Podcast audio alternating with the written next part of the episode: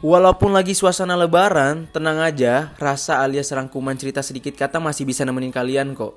Gimana episode kemarin? Semoga kangennya nggak kayak gua ya, kangen yang tidak terbalaskan. Shit.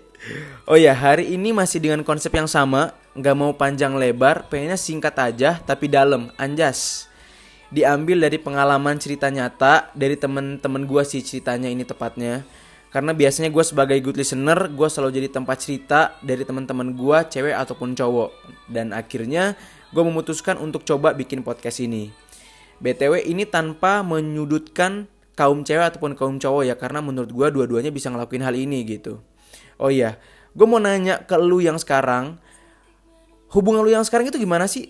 Toxic atau enggak? Kalau jawabannya iya, jawab dalam hati dan please kasih tahu gua kenapa lu bisa survive buat hal itu. Example. Lu punya hubungan, lo punya pacar yang di mana pacar lo itu posesif abis. Lo selalu dilarang keluar ke mana pun. Lo ngerasa terkekang. Sekalinya lo keluar sama teman-teman lu, lu dicecer abis-abisan. Gue tahu lo menderita, tapi kenapa setiap kali teman-teman lu ngasih tahu, lu selalu ngeluarin jawaban kayak, tapi gue sayang. Satu, itu satu ya. Second example, duit abis-abisan buat ngasih pacar lu yang nggak pacar lu yang nggak modal.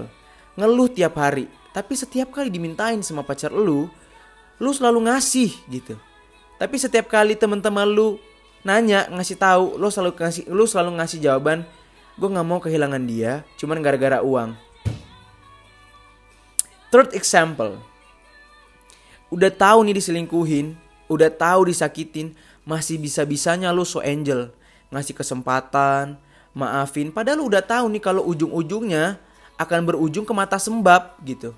Tapi kenapa setiap kali dikasih tahu jawabannya selalu gue yakin kok dia nggak bakal kayak gitu lagi. Hahaha goblok bullshit dongo tahu nggak sih lo itu tuh udah habit nggak tahu nggak? Habit. Habit ngerti habit nggak sih? Gue selalu nanya kayak ke teman-teman gue gitu. Terus lo yakin gak sih sama orang yang kayak gini? Terus mereka selalu jawab kayak enggak. Terus ngapain? Oh ya pasti pasti kayak jawabannya kayak gini. Nunggu sampai gue berasa di titik capek banget. Tolong ya lagi-lagi nggak usah so angel. Lo bukan malaikat. Ya kan? Another statement dari gue adalah hubungan yang baru sekecil ini yang baru kayak pacaran-pacaran monyet kayak gini lu udah mau mati, ya kan? Gimana kalau misalnya lu merit? Atau dikubur lu, sumpah, percaya deh. Menurut gua ya, setiap hubungan itu pasti ada masalah. Tapi kalau udah gak mikirin pasangan-pasangan lu, udah gak mikirin perasaan pasangan lu, skip aja. You deserve better konyet.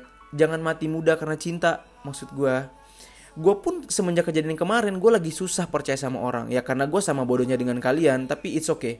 Itu bahan pembelajaran buat gue intinya buat kalian get out from toxic relationship. Karena semakin lama lu bertahan dengan hubungan yang toxic semakin banyak kesempatan yang lu tutup untuk bikin orang baru orang baik masuk ke dalam hidup lu. Oke? Okay? bye